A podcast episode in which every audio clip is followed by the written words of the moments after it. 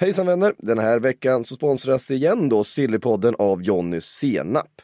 Jag har ju tidigare talat mig varm om den här sötstarka senapen, men vet ni vad? Jag har upptäckt något nytt. Jonnys American Style Yellow Mustard då som är en senap av amerikansk modell. Ni vet sån där som är lite syrlig, eh, inte alls söt men väldigt, väldigt gul. Och det visar sig då dessutom att Jonnys inte bara gör en väldigt god gul amerikansk senap, utan faktiskt den godaste i hela världen. Man vann alltså som första icke-amerikan guldmedalj i senaps-VM. Så det har jag på min korv framöver och det är ganska coolt. Tack Jonnys! In the supermarket, you have eggs class 1, class 2, class 3. And some are more expensive than others, and some give you better omelets. That's the wrong information. Wrong, wrong, wrong information. I didn't say that. That's the wrong information. Do you think I'm an idiot? Wrong, wrong, wrong information. Now look at me when I talk to you. Your job is to tell the truth. That's the wrong information. Wrong, Sillypodden! Välkomna in måndag morgon. Här har vi fullt hus. Eh, vi får väl säga det då, vi ska göra en, en eh, Champions League special. Den kommer hamna i Premier League-podden har vi bestämt nu för bara en liten stund. Kalle Karlsson klev in här med eh, redaktörshatten på sig och bara beslutade att Sillypodden är Sillypodden och sen så pratar vi Champions League då med eh, Liverpool-Tottenham-matchen i Premier League-podden. Alltså jag la in mitt veto mot att eh, Sillypodden blev Liverpool-podden. Eh, Det har den varit länge, kan jag meddela eh, Därför kände jag att det eh, passar bättre i ett annat forum och snacka Champions League. Så ni som vill ha eh, Champions League-analyser eh, Alla 200 Liverpool-fans bara vallfärdar dit. Ja, precis. Eh, Så eh, kolla in Premier League-podden, den kommer ut idag också. Välkomna hit då Makoto igen. Eh, Och Patrik Bränning, det är fullt hus så att säga. Eh, Så vi ska kunna ta oss igenom den här eh, silly-morgonen, för nu jävla börjar det röra på sig. Eh, Ska vi börja med Sarri, som väl imorgon förväntas på något sätt eh, komma med ett officiellt besked eh, att han blir Juventus-tränare, eller? Går Ja, händelserna det- väldigt mycket i förväg ja, du, du tar ju i här så du spricker, men det är det du ska göra i den här podden, så det Ja. hedrar dig faktiskt. Ja, men enligt italiensk press så ska han ju ta farväl av Chelsea idag och presenteras av Juventus imorgon. Och, ja, vi får väl se om det, om det går riktigt så fort, men eh, mycket tyder väl på att han sitter på ett torg i Turin snart och dricker sina goda italienska viner igen. Det har han nog saknat. Ja, det känns så. Men eh, det känns som att det liksom, även att säsongen inte kan, kan kallas misslyckad. Jag menar, de tar en Champions League-plats, de vinner Europa League. Det var de förutsättningarna som fanns för, eh, för Chelsea i starten. Och eh, ändå så har det liksom känts hela tiden som att det bara inte har funkat för, för Sarri i Chelsea. Ja, inte hela tiden. Börjar ju otroligt bra första månaden där och, och eh, då var det ju eh, nästan eh, att man kände tvärtom. Att det var fort det gick Mm. Det att införa Sarri-boll och det är liksom solen sken och Jorginho dominerade. Men sen kom vi in på några vintermånader där, där det var riktigt tungt och direkt efter nyår där så var han ju, kändes som bara någon match från att få foten. Eh, just eftersom läktarna vände sig emot honom så tydligt som, som de gjorde. Eh, men eh, jag tycker att eh, slutbetyget blir någonstans ändå med beröm godkänt. Han kan inte göra så mycket mer. Och eh, de har trots allt slutat trea bakom de två bästa Premier League-lagen på, på många, många år eller nästan någonsin. Så att eh, eh, jag tycker han kan gå därifrån med, med huvudet högt. Man blev ju ändå förvånad på något sätt i och med alla skriverier och sånt. Vet jag någon gång i april, maj, just det, Sarri har ju inte sparkat sen. Han sitter ju kvar fortfarande. Men samtidigt så håller jag med Kalle, han har ju gjort det jättebra på så sätt. Eh, sen hade man nästan hoppats lite mer av ett sånt mittfält med Kovacic, Kanté, Jorginho. Om liksom man tittar på det här mittfältet, bara rent teoretiskt, är det ju helt fantastiskt. Eh, jag är lite tveksam till om Sarri är rätt man för Juve. Sett till att Juventus brukar ju aldrig anställa en tränare som spelar den typen av fotboll. Det är inte Juventus stil. Eh, nu har ju för sig min teori varit att Pep Guardiola ska ändå ta sig till Juventus och det är ju ännu mindre Juventus stil. Men det känns på något sätt mer logiskt sett till vart den klubben är på väg nu med liksom, utanför planen, de vill globalisera sig, de vill bli ett varumärke. Och där hade ju en Guardiola passat perfekt. Nu kanske det blir Sarri och det är ju också jätteintressant såklart, men det känns inte riktigt som att det är Juventus, men jag kan ha fel här också. Men vad är kvar av Juventus-stilen när man slaktar klubbmärket, man ger dem dräkterna? Det är ju precis liksom- därför jag kände att det finns ju Guardiola inget skulle komma. Juventus-stil längre. Det, är ju, det har de ju begravt. Det har ju blivit liksom kanske det tydligaste internationella varumärket just nu på det sättet de jobbar. Mm. Det är ju som ett, liksom, ett sportklädmärke känns det ju som helt plötsligt. Så, Mm. ja. Men jag tror Makoto ändå tänker på liksom den här Juventus spelstilen som Absolut, men jag måste ju ändå ta liksom... chansen att slakta den kommersiella utvecklingen. Ja, men det är just därför jag ser Guardiola är logisk. Även i och med just det du pratar om. Benny. Ja, ehm, jag kan hålla med om det, men det, samtidigt så känns det som att det finns en trend där. Det känns som att, att faktiskt Serie A på något sätt, eh, man, man suger in igen, nu förväntas ju Conte presenteras för Inter. Han har ju redan presenterat. Ja, ja, han har presenterat, så är det eh, Men han ska eh, träna Inter, eh, Sarri förväntas eh, presenteras för Juve. Jag ser fram emot, nu ska vi se här, Gianpaolo till, till Milan, tycker jag känns ganska spännande. Eh, om det blir så, det, det, det är väl de Det senaste. känns som ett ganska klokt beslut Jag om man också- väljer att gå den Jag tycker vägen. också det, och Ancelotti i, eh, i Napoli. Man har på något sätt samlat in den fotbollskompetensen som, har, eh, som finns i Italien, som har varit på andra håll, som har varit framgångsrika. Eh, nu har de här de bästa tränarna, jag Allegri som kanske ska in någonstans då, eh, igen, som, som finns tillgänglig. Men det är liksom den här italienska expertisen liksom tillbaks i Italien och ska liksom få upp de här lagen tillbaks på någon slags nivå igen. Det är ju bara Juve som är med och, utmanar eh, för tillfället. Napoli har väl till viss del varit det, eh, men eh, har haft en lite sämre utvecklingskurva. Men det, jag tycker det känns spännande med, med de här, den här eh, tränarcirkusen, ska vi kalla den, eh, som ändå har varit, som verkar landa nu. Jag sitter i och funderar lite vad som händer med Simone Inzaghi i Lazio. För det har Men det du ju ska, han också ska förlänga om. sitt kontrakt va? Ja det låter ju skönt för jag såg att de kopplades ihop med Gattuso i någon text och det hade ju varit liksom ren, alltså mardröm för det laget att göra i det här läget. Så att Simone är ju viktigt för dem att behålla känns det verkligen. kommer ju upp en intressant tränare nu också med Lecce. Fabio Liverani, gamla fina mittfältaren som har lyft dem upp till Serie A. Eh, tror ju mycket på honom i Italien. Eh, så att eh, de har en förmåga att spotta fram nya tränare. Det är ingen tvekan om det. De har alltid varit bra på tränare. Ja, det är ingen tvekan om det. Men det, ja, det ska bli, bli spännande att följa och se vad, vad Sarri kan göra i Juve också då. Eh, det Förut att han kommer dit. Det blir ju någon slags, det blir någon slags kulturkrock. Eh, med- han, han, är ju väldigt, han är ju väldigt lite klädesmärke.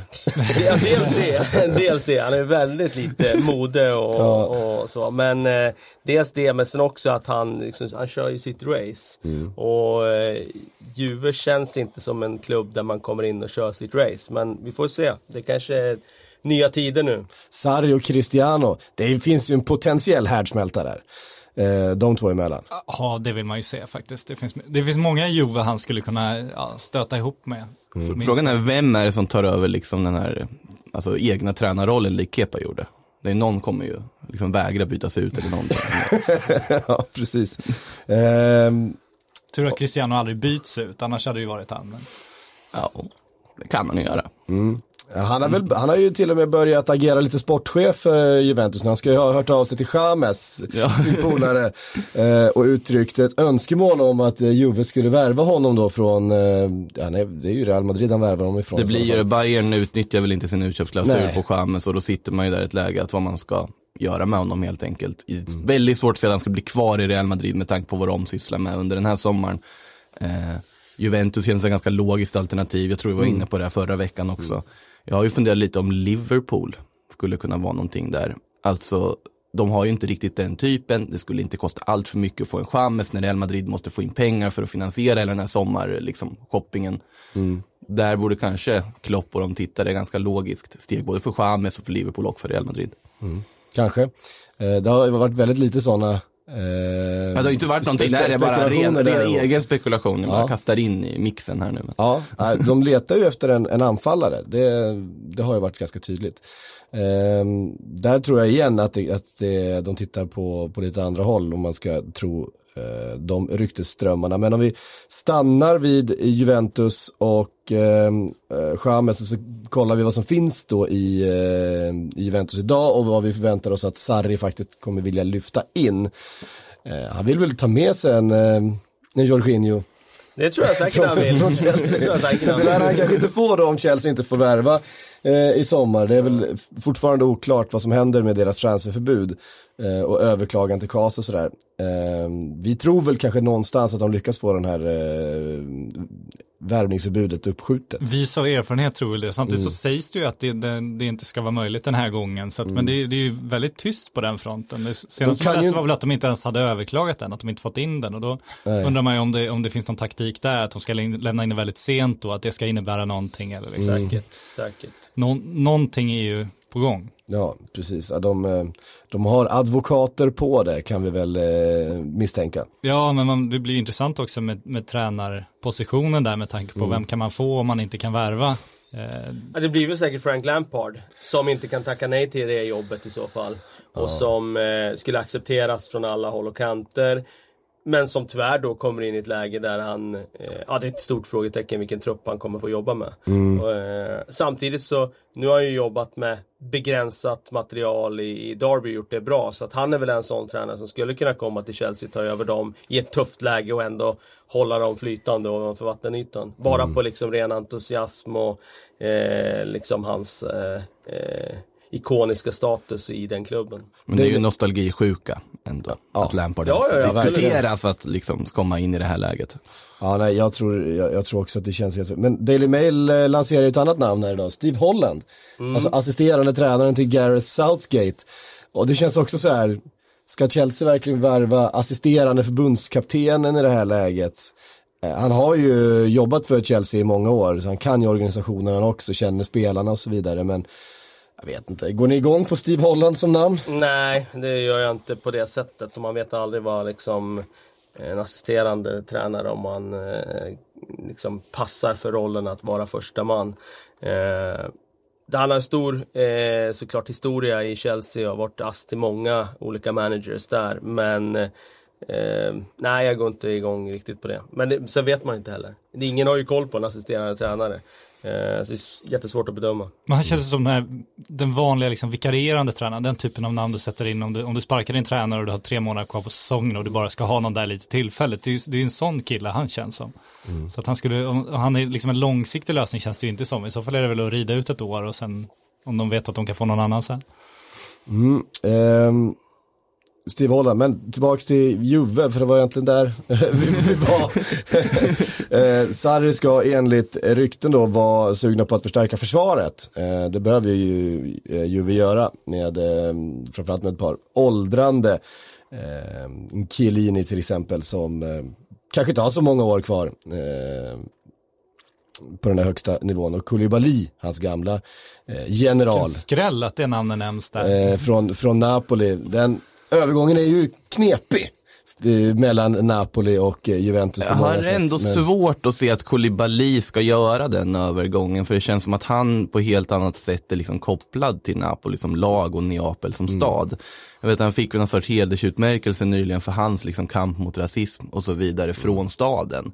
Och han har en helt annan koppling till supportrarna och laget, så jag tror inte att om han skulle göra en övergång så kommer inte han göra den förbjudna övergången. Det kän- men det har ju hänt förr sånt här. Ja. Men jag har svårt att se att Koulibaly skulle välja att ta den vägen när det finns andra intressenter på andra ställen liksom, runt om i Europa. Och sen undrar man ju också om, om liksom Juventus ska buda bort av Manchester United till exempel och hur det Real skulle gå Madrid till. kanske. Real Madrid, ja, det är, det är väldigt svårt att se att Juventus skulle vinna någon slags budkamp där. Eh, det är ju såklart eh, Sarri. Ja, Eh, det- såklart. det- det- det- Klassiska förmo- gamla förmo- tränarkopplingen. förmo- Förmodliga, det, det förmodade Sarri eh, presentationen då, så då plockar man in gamla, gamla kompisar och Koulibaly är definitivt en sån för, för honom ju. Eh, Coutinho pratade vi inte så mycket om i förra avsnittet men det är ju en av de mer spännande eh, transfer eh, följetongarna som vi kommer få den här sommaren eh, tror vi. Nu är det PSG och det känns ju inte som att det finns så där jättemånga andra som skulle kunna lyfta in en Coutinho i det här läget som skulle vara beredda att göra det. Eh, Coutinho nämns i en trio från Barcelona som PSG ska vara intresserad av. Eh, där Coutinho förstås är, är liksom den, den, stora, eh, den stora prislappen. De andra är Rakitic och Dembélé. Det är ju inga dussinlirare det heller såklart. Eh, men eh, Coutinho skulle då på lån från Barcelona till PSG i ett år med en köpoption. Eh, how the mighty have fallen. Ja, men det är ju klassiska, värva en spelare för väldigt mycket pengar som inte lyckas, du kommer inte bli av med honom för samma summa, du skickar ut honom på lån. Alltså, det, det, det, man har sett det väldigt många gånger förut. James. Ja, ja, Chamez är ett jättebra exempel. Jag gissar på Gareth Bale i sommar också. Skulle kunna gå en sån väg, för det finns ju ingen som kommer betala de pengarna Real Madrid vill ha för en sån skadebenägen spelare.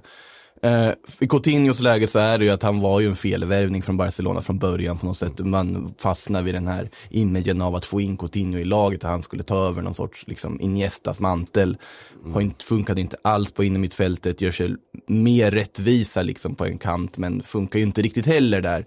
Och har ju, anses ju vara en av de absolut största floppvärvningarna den klubben har gjort. Och då har de gjort en del. Ja, det har de. Men vi minns alla Chigrinski. Chigrinski. Åh, vad fin han var. Ja. Men eh, i alla fall, Coutinho måste de ju bli av med om de ska finansiera. De vill nog bli av med Coutinho, och, men där känns det ändå som att det finns klubbar som kan tänka sig betala bra pengar för honom. Eh, jag vet att det nämns Chelsea bland annat, nu är det ju det här transferförbudet som ligger och ja, svajar där. Eh, Paris som sagt, det finns väl, känns väl United kommer säkert ge sig in där som ger sig in med alla andra spelare höll jag på att säga. Finns mycket, men han lämnar nog.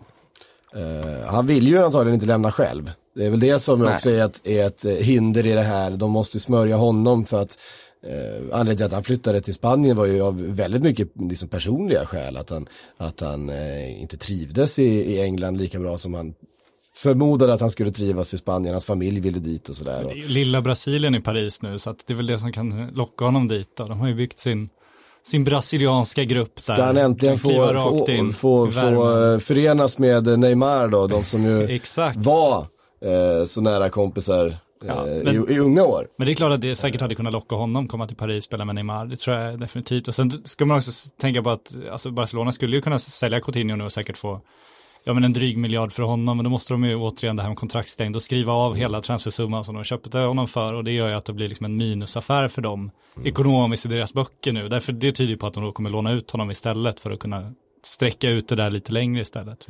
Ja, det, jag tycker det är sjukt om de får drygt en miljard för honom efter de här ett och ett halvt åren. Jag, jag tycker det. Jag, jag, jag kan inte se vilken klubb som skulle betala de pengarna. Men det är klart, är PSG desperata, Manchester United är ju alltid desperata så de skulle ju kunna göra det. Men jag tycker prislappen borde ha sjunkit ännu mer. För det var ju överpris redan när han köptes. Ja, han var ju inte värd det då. Nej. Och då borde ju priset vara, nej, jag tycker betydligt lägre. Då tycker jag snarare att det är Dembélé som på något sätt har behållit sin prislapp. För han har ju ändå på något sätt levererat och varit en avgörande faktor för Plus dem väldigt ofta. Plus att han är väldigt mycket yngre också. Eh, jag har också svårt att se att de pengarna ska betalas för en Coutinho och lånet känns ju som sagt logiskt. Mm. Eller att man använder honom i någon sorts bytesaffär om vi spekulerar. För det har pratats om Neymar. Tillbaka till Det Barcelona. pratas ju om projekt Neymar. Det pratas ju om olika Neymar-projekt här och Kanske var. inte just nu man Inte vill presentera Neymar som sin spelare. Nej, det, sen finns ju den aspekten. Sen finns ju den aspekten, men tyvärr känns ju fotbollsvärlden så pass cynisk att Ja, tragiskt nog så skulle spelare, verkar inte det spela roll för vissa klubbar. Nej, så är det ju. Sen de mest trovärdiga ryktena om Neymar är väl trots allt om att han ska stanna fortfarande eftersom han då vill bevisa att han eh, visar för Paris-fansen vad han kan som fotbollsspelare. och så. Och det finns ju någon poäng för honom tror jag också att inte lämna det som ett misslyckande som han hade gjort om han går nu, utan för hans varumärkesbyggande som ju verkar vara kanske det allra viktigaste för honom. Eh, så finns det en väldig poäng av att göra en stor säsong och sen gå vidare till Spanien igen. För att inte vara liksom, ja men misslyckad trots allt i Barcelona, som man ändå kan sammanfatta det med nu. Eh, eftersom han lämnade eh, misslyckade PSG och sen ska han ta ny fart då. Så jag tror, misslyckad i Barcelona har jag svårt Ja, men om du- om du liksom- när historieskrivningen blir så blir han ju killen som var bakom Messi liksom. Det, han kommer inte vara, liksom den, han har inte gjort det stora kapitlet i sin fotbollskarriär än. Det är det jag menar, sportsligt var han ju viktig för Barcelona och sådär. Men, men han blev ju för klubben en missräkning eftersom de förlorade honom på ett sätt där de absolut inte ville. Men menar man då att han skulle gå tillbaka till Barcelona nu när Messi börjar komma till den punkten där han kanske bara har ett par år kvar och så ska han ta över där? Det är väl det man Eller- tänker på, lite längre, jag, Ja. jag tror inte att det kommer Det- hända i sommar. Men Nej, men att det är det man tänker att han det är väl ryktena säger och- att Barcelona vill de inte. Ja. Barcelona ville ju inte sälja honom från början, det var ju den här utköpsklausulen som, så, och Barcelona kommer ju gå för någon form av offensiv kraft i och med att de har misslyckats med värvningarna. Dembélé råder det ju delade meningar om, om han håller, är han liksom, vissa, han har ju de här, alltså råpotentialen, grunden, tekniken liksom. Men har han inställningen, har han spelförståelsen, det är mycket sånt, det är många konstiga beslut som tas på plan och så vidare. Han är ju ung fortfarande såklart, men och Coutinho kommer de nog inte våga satsa på vidare. Eh, Malcolm har inte ens fått chansen, ärligt talat. Och är väl inte liksom ett stjärnnamn. Så där kommer man ju säkert gå för någonting, så är frågan, vilka finns tillgängliga? Ja, det, men det är ju typ Neymar. Och Griezmann. Griezmann, ja just det, han ja. Och där får vi ju se vad som händer också. Ja, ja Griezmann ska in i det här eh, pusslet också såklart. Eh, där har det kommit uppgifter om att Manchester United också har blandat sig i leken. Eh, Såklart de har. Ska förhandlas efter- kontrakt nu. Eftersom de är inne, ja det var, eh, var det AS då som eh, sa att Manchester United var intresserade av Salah också? Eh, Det var AS idag. Det var bra, bra, bra scoutat AS. En starkt underbyggd artikel. Allt det handlade om var att Salah inte ville, ville kommentera sin framtid efter CL-finalen. Så byggde de en, en större artikel med intresse från United, Bayern och Real direkt. Så. Det är också en de- ren definitionsfråga det där. Det är klart att de är intresserade.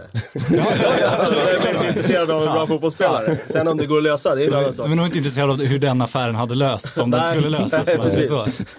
Jag tror den blir svår i, i, i det läget. Ja, jag tror det är svårt. Övertala Salah att gå till United, det är kanske inte helt lätt heller. Nej, nej. Sen byggde ju Liverpool liksom hela sitt Champions League-vinnande lag på att sälja en av sina bästa spelare, just Coutinho till Barcelona. Så att, Så att, eh. Ewing-principen, känner ni till den?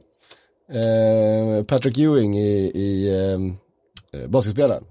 Som då var eh, MVP, det här är liksom ett begrepp i, i USA där man pratar om det. Han var absolut bästa spelaren i sitt lag, kommer inte ihåg vilket var något NBA-lag. Eh, och han var hur många gånger som helst MVP, han var med i All-star-lag och han var liksom en av eh, de absolut bästa i världen.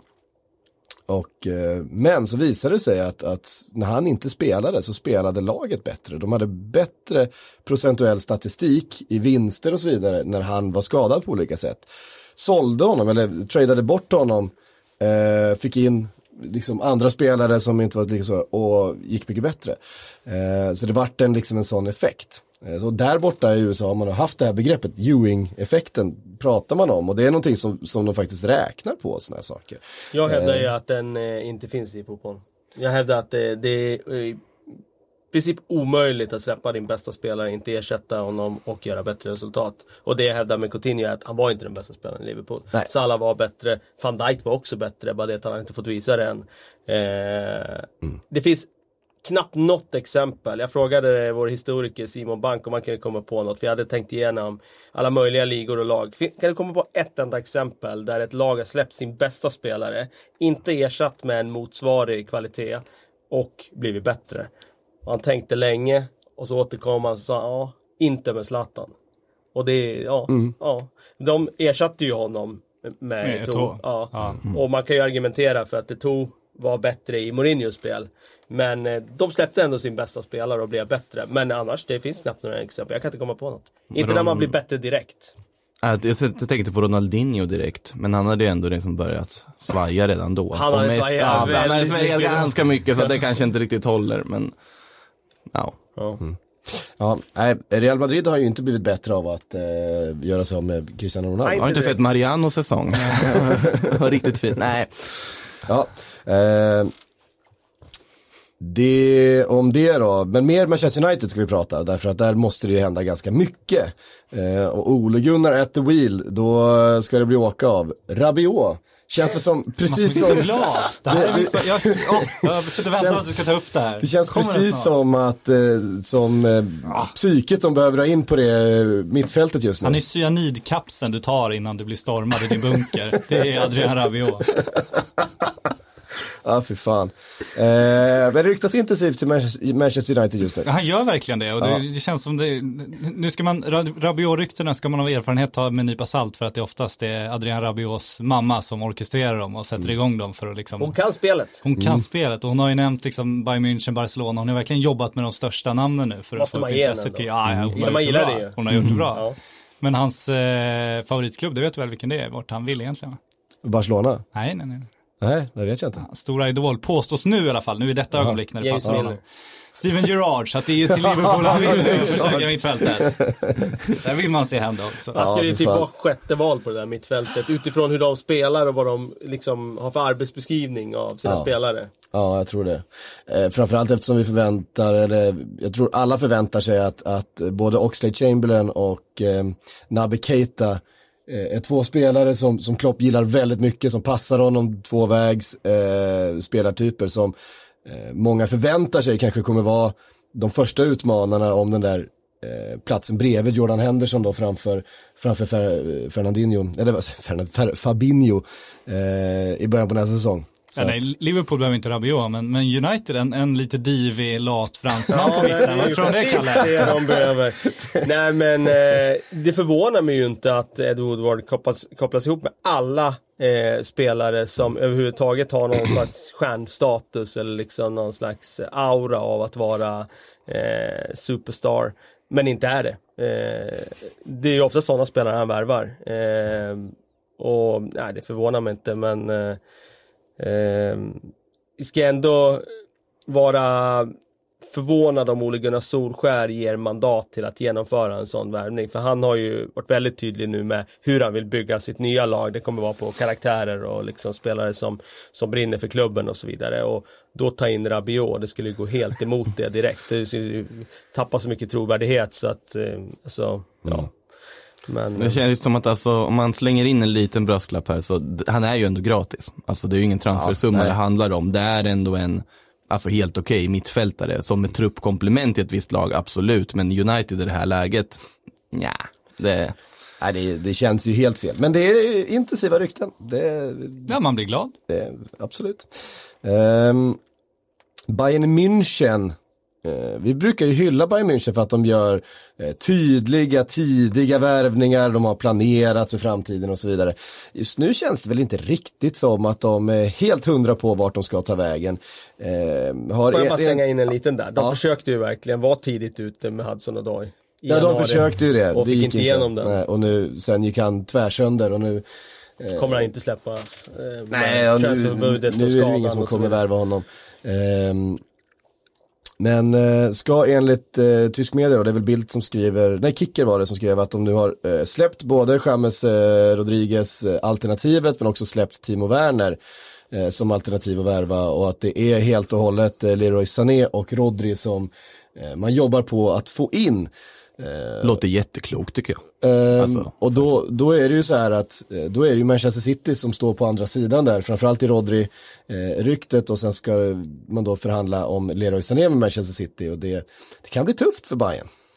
Ja, och så är det. Sané känns det ju fortfarande, jag tror verkligen det kommer Mm. gå igenom. Det känns, Bayern München spelar inte den typen av spel utan att veta att de har ganska, de har ganska goda möjligheter att lösa det här. Det hade inte gått så långt utan det. Så det tror jag definitivt kommer att hända. Sen är frågan då med Rodri om, om City då ska vägra släppa Sané, eh, ifall inte, alltså om de ska tvinga Bayern att ge upp Rodri för att få Sané. Det spelet är ju inte helt osannolikt att det kan ske. Eh, så det blir väldigt spännande att se den tvekampen. Sen ska man säga om Timo Werner, frågan är om det inte är, kan vara ett spel mot, mot Leipzig det här också. Att han har ett år kvar på kontraktet, Bayern vet att Han de kommer kan ju säga åt honom, ja, men kom gratis nästa Som de har år. gjort förut. Exakt, och då är det bara, då, då kan man ju komma tillbaka till Leipzig lite senare i fönstret och säga, ja nu har ni två val, antingen tar det här budet eller så tar vi honom gratis nästa år. Det skulle inte få någon minsta om de, om de liksom har läckt den uppgiften, nej vi släpper Werner av det skälet. Så att det, jag, tror inte att, jag tror inte man ska skriva av honom helt än. Så. Nej. Nej, de är ganska slipade om man säger så i Bayern Ja, när det handlar om att spela spelet på transfermarknaden. Men de Det är gör det ändå med värdighet hela tiden, tycker jag är snyggt. Ja, men det är intressant det här du sa också med att de, de gör ingenting eh, utan att de har ganska liksom sådär på fötter att de lyckas.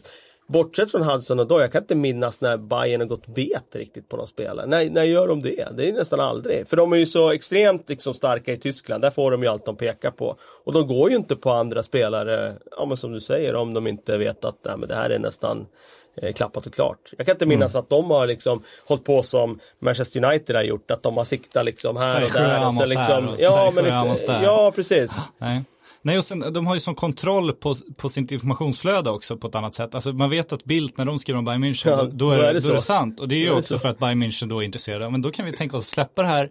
Och det motverkar ju också spekulationerna. Det blir ju inte de här att de används som Manchester United ofta gör då. Eh, eh, som är liksom någon slags gungbräda för att få upp andra, andra spelares löner utan när Bayern väl, när Bildt skriver att Bayern gör något då gör Bayern det och när Bayern inte gör något då är det ingen som skriver att Bayern gör något. Nej, för Bildt har inte skrivit något. Då, är det, då vet de att det Alltså, finns det det ingenting. Nej men precis. Det, det är ju nästan en passning till alla klubbar att, att vara allierad med någon typ av media som blir någon slags megafon för dem. Mm. Precis som eh, Real Madrid haft marken. Precis, och då kan man sen gå ut och kritisera media då om de blir lite för mycket vänner med sina klubbar. Det finns ju en annan, Absolut. Det, det är inte klubbarnas Absolut. problem. Nej, exakt. Det är det jag menar. Så det är helt utifrån klubbperspektivet. där. Absolut. Ska då bli intressant att se vad som händer med Jürgen Klopp, för att det är ju ett namn som står högt upp på Bayerns eh, önskelista eh, framöver att få in eh, Jürgen Klopp som, Kommer som ju träna tränare. dem någon gång. Det kommer han ju och det, det, det vet ju Bayern München också nu, eh, förväntas eh, Klopp erbjudas förlängning av sitt kontrakt. Han, han har tre år kvar på det kontrakt han sitter på nu. Eh, och det vill då Liverpool förlänga. Och genom en ganska saftig eh, löneökning också. Eh, och den lär han ju skriva på, eh, skulle jag tro. Det gör han nog. Sen, sen tror jag att Klopp kanske är den typen av tränare som bygger mycket på energi och så vidare. Mm. Och när den tar slut, eh, vilket den säkert gör, förr eller senare, då, då kan det bli som i Dortmund. Liksom. Mm. Ni gjorde ju verkligen det i Dortmund. När, Ja, precis. När, och när bensinen tog slut så tog den slut Ja. ordentligt. Och eh, för hans del kanske han har lärt sig något av det, att Mm. han kliver av i, alltså inom citationstecken, rätt tillfälle eh, framöver jämfört med Dortmund då. Mm. Men vi får se. Vad ger du då? Är det ett år till om Nej, nej, nej, mer, nej mer, än så ger, mer än så ger jag. Jag tror att han vill erövra England och ser det, och det har han ju inte gjort än. Eh, så att jag tror han ser det som mål och så länge han inte har gjort det tror jag att han kommer ha den energin och då tror jag säkert tre år till liksom. Det har han definitivt sig. Och han har varit där fyra år nu. Eh, han var sju år i Dortmund, det var det, det, var det sjunde året som... Han har lite bens- längre uthållighet än Sarri har. Sarri har ett halvår, Klopp jobbar, han håller i sex år i alla fall. Ehm, så han har väl två år kvar med energi. Han var ju sju år i Mainz också va? Eh, före dess tror jag. Jag tror att han har jobbat, år där, jobbat ja. sju års, eh, sju års cykler. Det är jävligt tungt ändå att ha det i sig. Hur många ja. får stanna sju år på sin post i, liksom, i tränarvärlden? Det är ju knappt någon. Han kommer ju stanna så länge han får stanna, sett till hur de spelar liksom, så länge de inte har vunnit titeln. Han kommer ju jaga den där. Ja. Nej, och det, det kommer vara ett ganska, ganska tydligt fokus. Det var det redan den här säsongen med nästa, nästa säsong och det, ehm, Han hade ju snackat på telefon med Guardiola efter säsongen också. De sa väl att nu, mer eller mindre, ja men önskar varandra lycka till nästa år också redan nu. Det känns som den, den dynamiken kan vara rätt viktig för att båda ska hålla det intresset upp också tror jag. Det känns som... om det Trigga blir- varandra Ja men precis. Ja, men det, ja, du behöver ju en kombatant om du ska fortsätta hålla dig på toppen. Typ som Messi, Ronaldo Mm. var under många år. Men bara det, det han har lyckats bygga här, Jürgen Klopp, är att, att England nu faktiskt har en topp två som är ganska kristalliserad. Och att Liverpool är ett av, ett av de två. Att City är en av de två med, med sina ägare och med Pep Guardiola, det, det är inte så oväntat. Men att den andra inte är Manchester United eller Chelsea eh, är faktiskt, det är väldigt förvånande ska jag säga. Och det är ju en, ett oerhört eh, bra betyg till, till Jürgen Klopp såklart. Han har ju gjort precis allting rätt sedan han kom in. Ehm, Han har ju fått alltså, bra med pengar att jobba med och när han har Mm. sett en spelare som han vill ha som passar hans spel så skiter han lite i vad det kostar. På något sätt liksom. Ja men jag vill Ja, ha för både om det är billigt och om det är dyrt Ja men också. Precis, det oavsett smarta, liksom. Ja men han ser en, antingen så ser han en van Dijk som han betalar väldigt mycket pengar för som passar perfekt i laget eller så ser han en Shakiri som var väldigt billig som Ja, passar eller perfekt. Wijnaldum, som Ja, eller- billig. ja. För det är också så här, om man tittar på så här backlinjen och man säger, ja men man, han har köpt in världens dyraste mittback. Ja, det gjorde han ju. Eh, Men slår man ut då på den backfyran som startade så var Joel Matip helt gratis. Eh, Joe Gomez kom som 19-åring för eh, några få miljoner och Trent Alexander-Arnold är egen produkt. Så delar vi upp eh, van Dijks eh, Och, Ro- och övergångssumma Robertson var Ja, och, jättebillig. och, och, och Robertson var jättebillig. Ehm, eh, I fyra, alltså på den backlinjen så är det ju inte den dyraste backlinjen i, eh, i Europa, ganska långt ifrån. Ehm, så att på de positioner där det har funnits, där har man gått in tungt och sen så har man lyckats utveckla runt omkring. Ehm, Oerhört bra scoutingarbete i den där klubben alltså. Verkligen.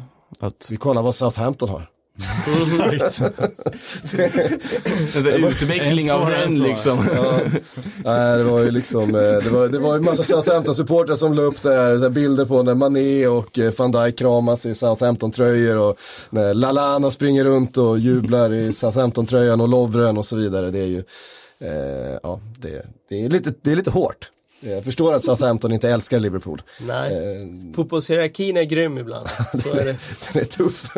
Och den är tuff för alla i hela världen också. Det är det som är roligt. Förutom de som står absolut högst på, på toppen. Så det är lika för alla. Det går inte att liksom säga Eh, så, ja, det är så synd om oss. Jo, men det är ju synd om alla hela vägen ner i Men det, trappan. var, det, var, det var som vi sa förra veckan, va, när Bayern München och Manchester City håller på att dra i spelare så här. Det kommer bli synd om någon och det är inte synd om de två. det, det är två, Det är, klubbar det är ju som... ändå synd om Barcelona nu som sätter och finansierat Liverpools Champions League-titel. Så att det slår ju uppåt ibland också. Ja, precis. Ja, faktiskt. Eh, men där får de skylla sig själva. Det är inte synd om dem. det Nej, nej, kanske inte, nej. Men man tittar på, alltså om Southampton skulle kunna plocka ihop alla spelare som de har fostrat eller haft i klubben eh, hade och sätta ihop ett lag så hade de Lag för semifinal i Champions League typ. Ja, ja det hade de haft. De hade haft Mané och Gareth Bale och van Dijk och Ja. Hade de Shane Long fortfarande startat? Shane Long hade varit på topp. ja, bra, bra. Han har bra omgivning så han kunnat peta in mer än fem viktigt. mål på en säsong. han hade vem har de sprungit och sprungit och sprungit och missat sin enda chans. Vem har de fostrat som tränare? Ja, Pochettino liksom in som tränare. han. Han har inte fostrat honom. Nej. men han har ändå där. tagit fart där. Det är ändå rätt bra. Ja, ja, han duger. Ja. Mm. Skänker vi en tanke då till alla Southampton-supportrar som sitter och gnisslar tänder eh, över detta. Det har pågått rätt länge. De lyssnar inte på Sillypodden, det är en sak som är säker. Håller på Southampton är helt uteslutet. Undrar om de pratar Southampton idag? Liksom. Ja, men det är ju bara- det är mardrömspodden för dem. Det är ju den sista, sista podden de vill Ja, lyssna det är bara sorg och Ja, besvikelse. ja, Låga, exakt, precis. Ja, nej, men Ward Prowse har förlängt. Ja. Yes. Vad är det med Eh, honom egentligen? Han skulle ju bli något. Ja, han är ju fortfarande bara bra. Han är en sån där, vad heter det, kicker i, i amerikansk fotboll. Ja. Han kan ju bara en sak. Ja, jo. Men det är han jävligt bra på. ja, det är han fruktansvärt bra på. Tillslag på liggande boll.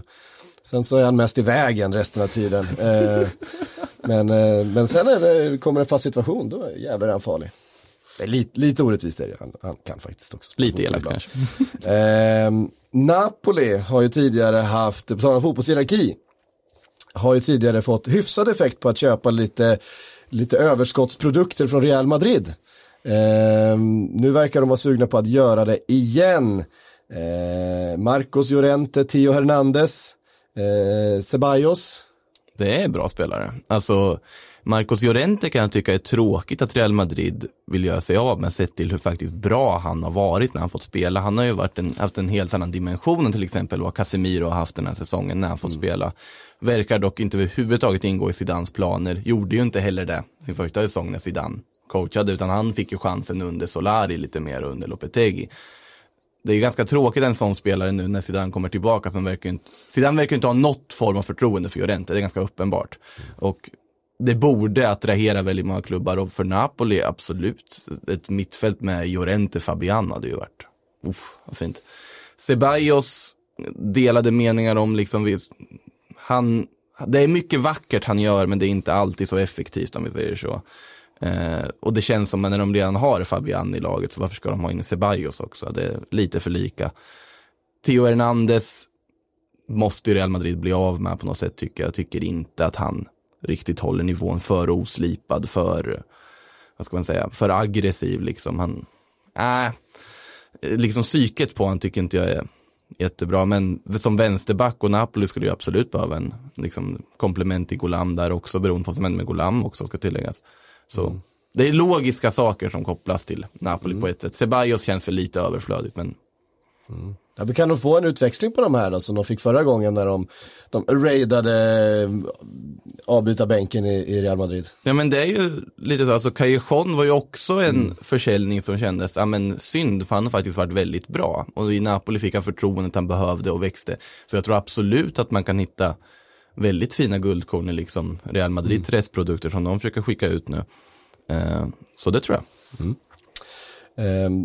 Lukaku eh, ska enligt uppgift då ha blivit väldigt, enligt uppgift till italiensk media, blivit väldigt, väldigt eh, tagen utav det här interintresset och ska vara desperat att lämna eh, Manchester United och ansluta till Conte i eh, Inter.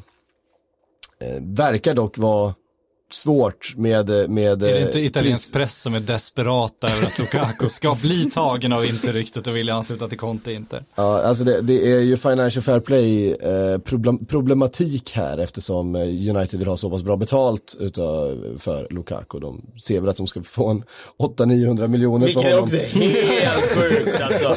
Men fan händer det ingenting med transfersummorna utifrån vad man presterar på plan? Det är som att, har du sålts för det, då är det liksom den summan som gäller fortfarande. Om en spelare köps för en summa och så presterar han bra, då höjs summan. Om en köp, spelare köps en summa och så presterar katastrofalt, då är det som att det inte påverkar så mycket. Om någon kan knäppa av honom slalompjäxorna så kanske han eh, kan vara värd de pengarna men Det är ju det, han har ju sina, han har sina dagar när han faktiskt ser ut som en hyfsad anfallare och gör rätt bra saker. Eh, men han har ju fler dagar där han eh, har eh, han har en först, touch först, som, första eh, touch som lämnar en del i övrigt att önska. Ja, det kan man säga. Men vad ska United göra? För det finns ju en anfallsproblematik där. Eh, Ja, det men finns väl ganska Mycket problematik. Men det är väldigt ont om just anfallsrykten, alltså strikers in, framförallt på världsnivå. Ja, ja, det är Det är ju helt och det är Griezmann, för fan, de ska ha Griezmann. Ja, men det känns ju svårt att tro på. Det känns ju som den Barca-affären är rätt, rätt ihopsydd Ja, nej, det är svårt att hitta någon på marknaden tycker jag som är kompatibel med Dels ska finnas tillgänglig, dels ska vara intresserad av att kliva ner till ett lag som inte spelar Champions League eh, som också, det råder rätt mycket frågetecken kring eh, var de står och vad deras närmsta framtid är. Eh, sen nej, jag, jag ser inte vem, vilken anfallare det skulle vara just nu, men det är klart att det kan hända saker här under sommaren som gör att det är någon som plötsligt på ett eller annat sätt blir tillgänglig. Men jag kommer inte på någon nu. Inte av den digniteten som Manchester United vill ha. Så jag tror ju att egentligen så, alltså Rashford som, som striker, det tror jag är det som är det bästa alternativet hos dem. Och bygga offensiven kring det. Och sen ha, ja, sen behöver de bygga om en del annat runt omkring där. Men de där, alltså, till exempel Rashford och sånt har ju visat att det här är spelare som håller det topplag, det är spelare som kan leverera och jag tror absolut att man ska inte köpa för köpandets skull, de behöver bygga någon sorts mentalitet i den här gruppen. Det låter klyschigt, men på ett sätt är det så. De behöver ha någon form av stabilitet, någon form. Och då tror jag snarare att det viktigaste är att få in det likt. Alltså nu pratar vi om Barcelona, men det har ju ändå varit lite mer rykten på att United kanske ändå har en möjlighet Ja. i det här fallet. Eh, utan att ge för mycket förhoppningar nu. Men det likt hade ju varit alltså, guld för dem, bara få in en ledartyp i försvaret. De behöver en vettig innermittfältare som har någon form av säkerhet så att Pogba kan, om de får behålla Pogba, får kliva fram lite och spela där han ska spela och inte.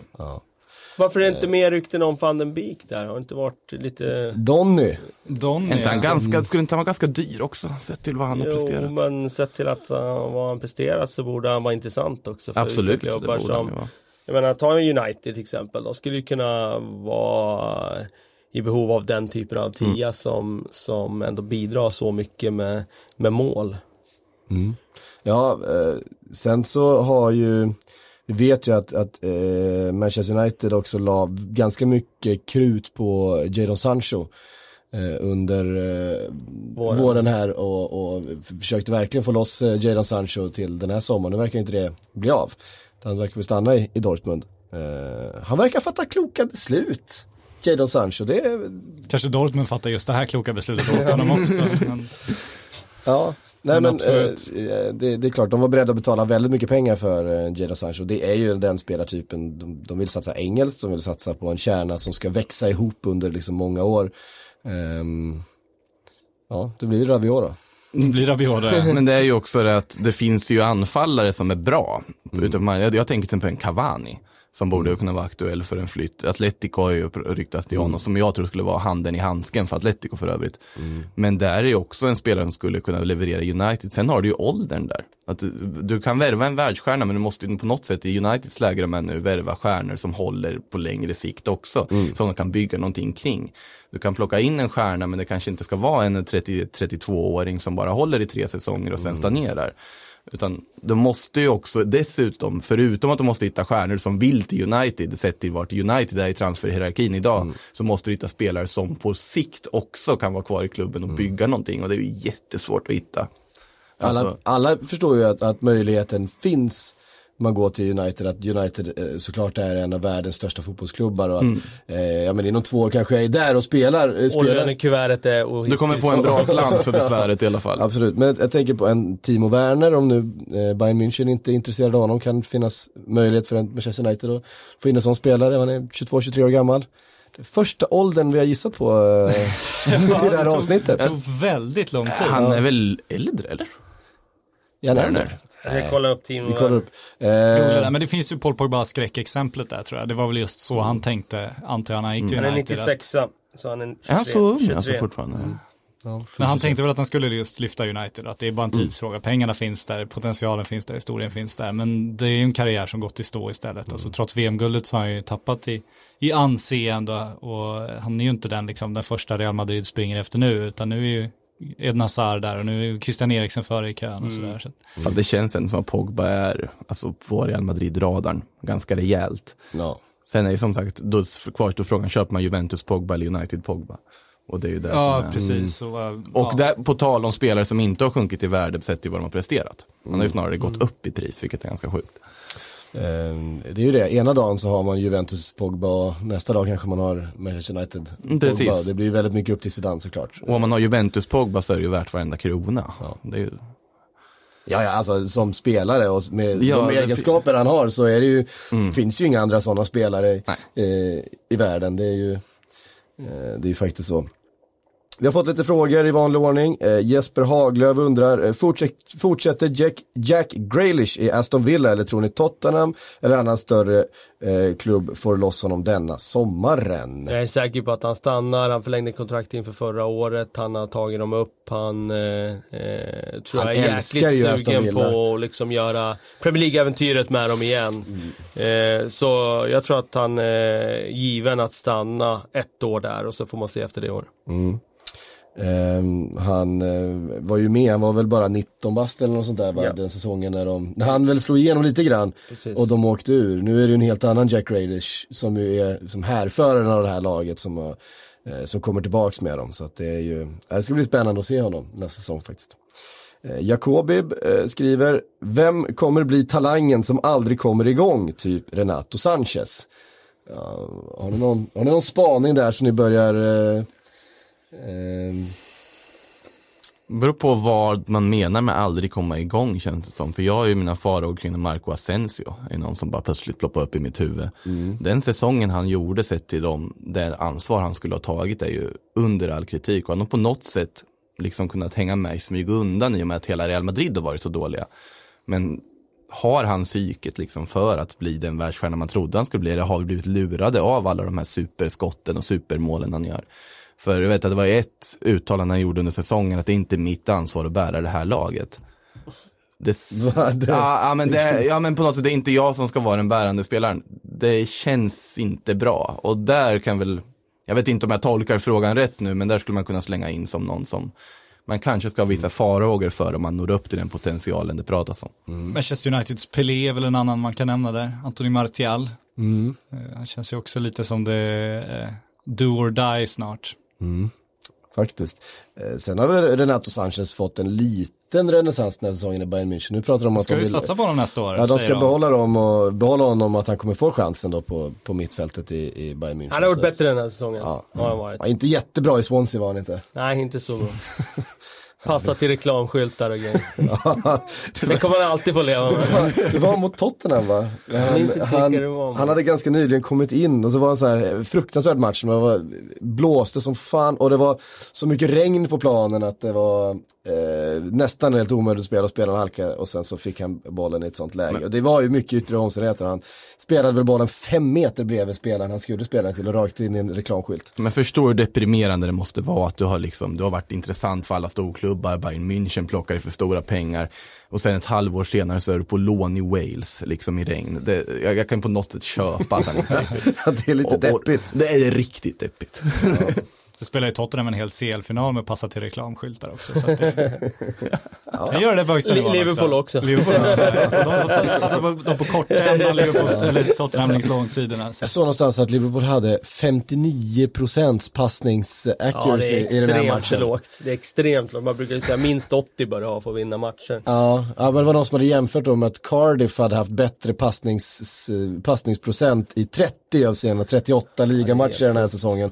Och då var, då var Cardiff verkligen det sämsta passningslaget med marginal.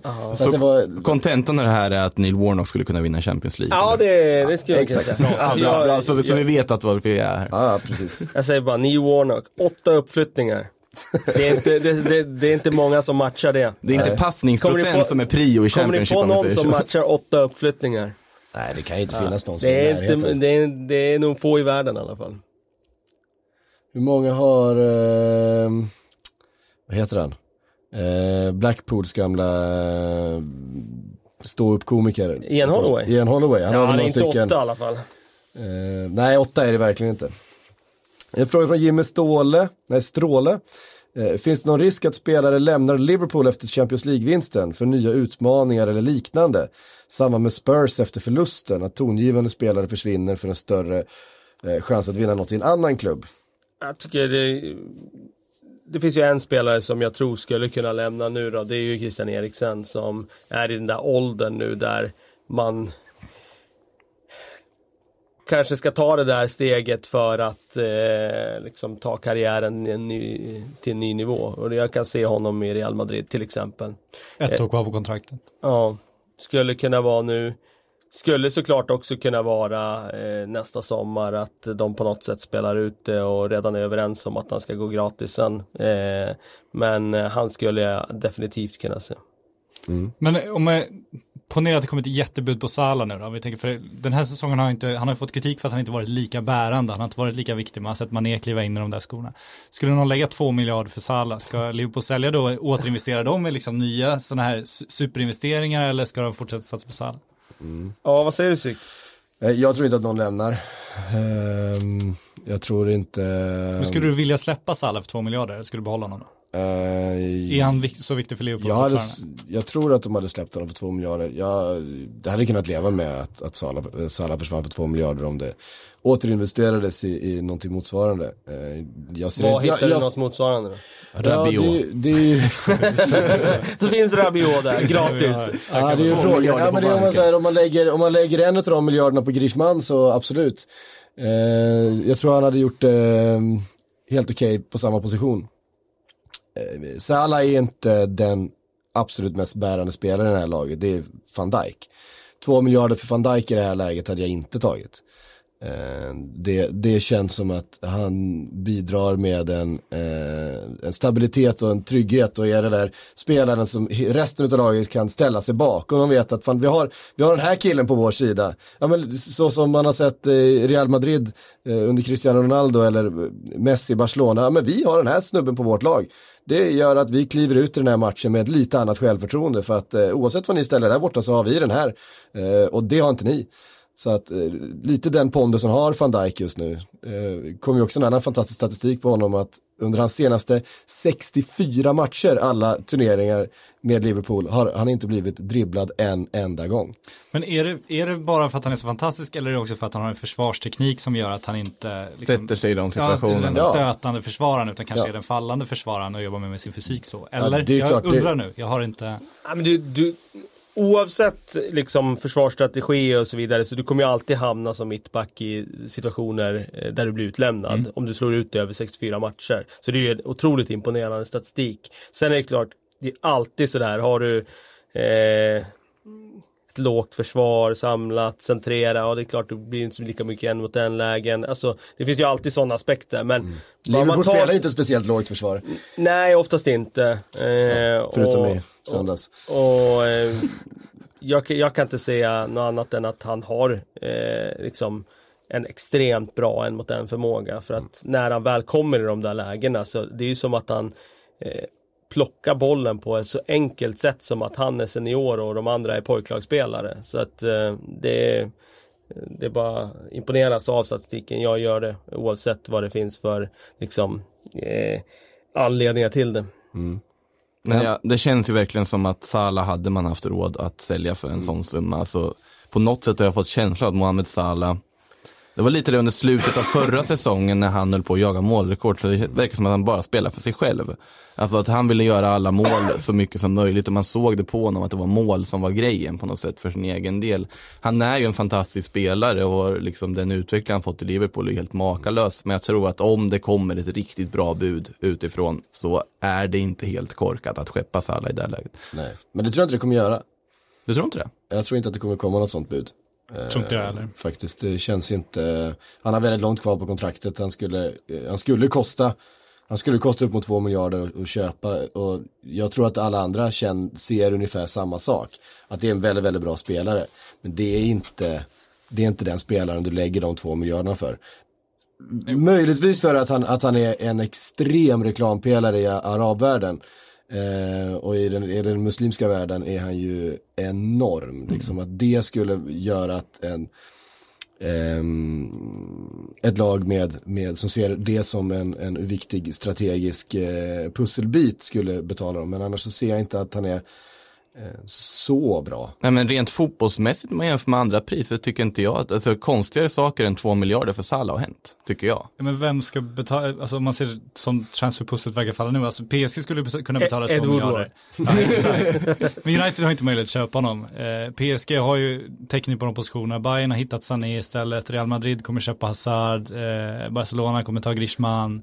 Ja, det, är ingen, det är ingen som köper honom. Det är ingen som behöver honom för de pengarna just nu. Ehm, eh, Jake skriver Dzeko till Inter. Det är ju faktiskt ett som vi inte har pratat om här idag som har varit ganska, ganska flitigt senaste dygnet. Eh, innebär det att Icardi lämnar och Lukaku stannar? Ehm, Ja, ja alltså, Edin Dzeko, jag vill nästan att Kalle ska prata med Edin Dzeko. Jag älskar när Kalle pratar med Edin Dzeko. vi kan väl säga det att ett av eh, Contes krav ska ju ha varit att eh, Icardi lämnar. Han ska ju inte gilla Icardi. Och, och... Vem ska köpa Icardi? Är det United där då? det är Borde ju inte de vara det. igen. Det borde ju inte vara det, men det skulle ju inte förvåna. Rabiot och Icardi in. Fan vad fint. Det är nya, nya ryggraden i Manchester Och United. så stannar Pogba och så liksom, Ja. eh, ja, och Sanchez kvar. Eh, det blir ett bra omklädningsrum det där alltså. Ruskigt bra. Eh, lycka till Ole. Sälj dokusåpan, de kommer dra in miljarder på det där. Fan Ja, herrejösses alltså. Och då är ju Glazers nöjda ändå så att, Absolut. eh, nej men, eh, alltså. Inget förvånar mig längre när det gäller Ed Woodward. Så att det- skulle de köpa Icardi, alltså det, det skulle inte förvåna mig. Eh, men, eh, jag- Dzeko Dzeko. till Inter. Ja, alltså han, han är ju bra nu för tiden. Han var ju inte så bra när han var i Manchester City. Han var en bra inhoppare då, en bra rollspelare. Han kunde komma in i lägen när de började spela lite annorlunda och rakare och inlägg och så vidare. Och han petade dit ett par eh, viktiga mål. Eh, inte minst som inhoppare. Jag tror han är den inhopparen som har gjort flest mål i Premier League. Han var i alla fall det. Till och med fler än Ole Gunnar Solskär. Eh, men eh, han har ju utvecklats enormt, tycker jag, eh, under sin tid i Italien. Och eh, jag tycker att han är, om du tar, ställer han bredvid Lukaku till exempel, så tycker jag att han är en mer mångsidig anfallare än Lukaku idag. Det är kanske logiskt av Roma att fundera på att sälja också sett till åldern och så vidare och de behöver ju verkligen också bygga om om vi ska säga så. Efter Monchi-fiaskot som den ändå Som kostade rätt mycket. Ja, alltså istället för att värva tre riktigt bra spelare som tar dem till nästa nivå så värvar de tolv spelare som på något sätt bibehåller nivån de hade för att kunna tjäna så mycket pengar som möjligt. Och det märkte man på något sätt, vi pratade om Monchi i Arsenal då minns jag, nu är han tillbaka i Sevilla och så vidare. Men det kanske är där han passar, han ska inte vara i ett topplag för han vill snarare Nu får du Arsenal-fansen på dig här. Nej men jag tror att alltså, det är nog Arsenal uh, undvek nog en kula där liksom. För att Monchi, som jag känner, nu går jag ju lite off topic här, men det han gjorde i Roma och det han har gjort i Sevilla också, det är en köpande, säljande sportchef. Du kommer, det är inte en sportchef som tänker nu ska jag bygga ett lag som ska vara med och vinna de största titlarna. Det är en sp- sportchef som säger, ja men den där killen, han kan utvecklas bra, vi plockar in honom, plockar in lite hit och dit och och En handelsman. en handelsman. Wheeler and dealer. Ja, men precis. Eh, avslutande fråga då, vad, den kommer från Anton Lodin. Vad händer kring Ludde Augustinsson? Är det dags för nästa steg? Ja, det är ju dags skulle för åka iväg och träffa dem. Ja, ska inte träffa Ludde idag tyvärr, men Nej. träffade Ludde lite snabbt igår. Vem ska du träffa idag? Eh, idag är det Gudetti bland annat. Det blir intressant att se vad, som, vad han säger om Victor Nilsson Lindelöf-affären, som vi väl kan döpa den till nu. Mm. Eh, nej men jag har ju, eh, alltid tänkt mycket högt om Ludvig Augustinsson. Jag tror han, har, han är en av de svenskarna som har liksom inställningen, psyket och talangen för att nå till de allra största ligorna. Nu är han ju en av de största, men jag tror att han kan spela för, för ä- ännu större klubbar. Eh, sen vet jag inte, det känns inte som han är så het på marknaden just nu. Det känns inte som han spelar till sig den, det intresset, så jag vet inte om han kommer ta det steget redan nu, men jag, jag är övertygad om att han har potentialen Men för. nästan hetare då när han gick till Tyskland. Ja. På marknaden alltså. Det var mycket snack om England då till exempel. Jag har inte hört, sett någonting nu. Om Nej, det. väldigt tyst nu. Men jag tror, ja, potentialen, jag tror inte han flyttar nu i sommar heller. En fråga till eh, er som följer Sillyflödet. Eh, det är inga rykten om Brighton nu sen Graham tog över. Inte sett så mycket faktiskt. Ehm, Det är jag lite nyfiken på. Hur han bygger Det, det. det är inte de som säljer flest lösnö tyvärr, så det är inte Nej, Desans och det är inte de första som, prio. deras fans som lyssnar på Sillypodden heller Nej, förmodligen. Men, eh, men jag tycker jag är ändå eh, eh, nyfiken på hur, hur han kommer bygga det där. mm, Det blir jätteintressant att se verkligen vad han väljer för väg här. Är ju en klubb med, eh, som faktiskt har spenderat en hel del pengar.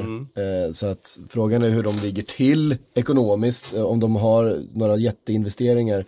Eh, men de är också, jag tror att, jag tror att Brighton var alltså topp 30 rikaste klubbarna i världen. Vilket är helt jävla vansinnigt. Men de har, de har ganska mycket pengar, de är ju, har ju pokermiljonären där. eh, Tony Bloom. Tony Bloom. Eh, som har dundrat in jättemycket pengar. Han har väl inte tjänat sina pengar främst på poker. Han tjänade sina första pengar på poker, så han har tjänat väldigt mycket pengar på, På annat, ja. på, Så han har förlorat en del pengar på. Polarna kan man tänka. Eh, men han har väl tryckt in eh, ganska många hundra miljoner i det här eh, projektet redan. Frågan är hur- hur mycket mer han är beredd att stoppa in eller om de nu ska försöka eh, rida på det, de investeringar som de har gjort så att de eh, ändå klarade sig kvar på kontraktet. Det känns väl ändå som att när Potter ska gå in och börja värva, han vill väl först se vad det är för spelare han har. Så det kommer nog dröja Känns att- lite. Det känns inte som att Potter är en, en eh, tränare som kommer in med ett krav att jag ska plocka in liksom sju, åtta nya spelare här för att jag ska Nej. ta det här jobbet. Eh, då tror jag Brighton hade tagit in ett större namn, ett större tränarnamn eh, om de hade haft en väldigt stor transfer budget att röra sig med. Jag tror att eh, Potter tar man nog in för att han inte ställer så jättemycket sådana krav. Men Får han en barack är han nöjd. precis så, en, eh, en scen som de kan öva Exakt. eh, Svansjön. Svan, Svansjön var det det? Ja, Det var ju en fantastisk banderoll som, eh, vad heter Sundsvall-fansen Ja, var Den vackert. baracken var riktigt bra alltså. Eh, bra, hörde ni, eh, det var Sillypodden för den här måndagen. Vi är tillbaks eh, på onsdag igen. Och nu Eh, ska ni prata om i Premier League-podden, sett till förutsättningarna, världshistoriens största besvikelse till fotbollsmatch. Det blir kul att höra. det ska vi göra. Ja. Eh, så ratta över till Premier League-podden om ni vill höra en analys av Champions League-finalen så hörs vi eh, i den här kanalen om ett par dagar igen. I think I worked for 16 years here in England, and I deserve a bit more credit when wrong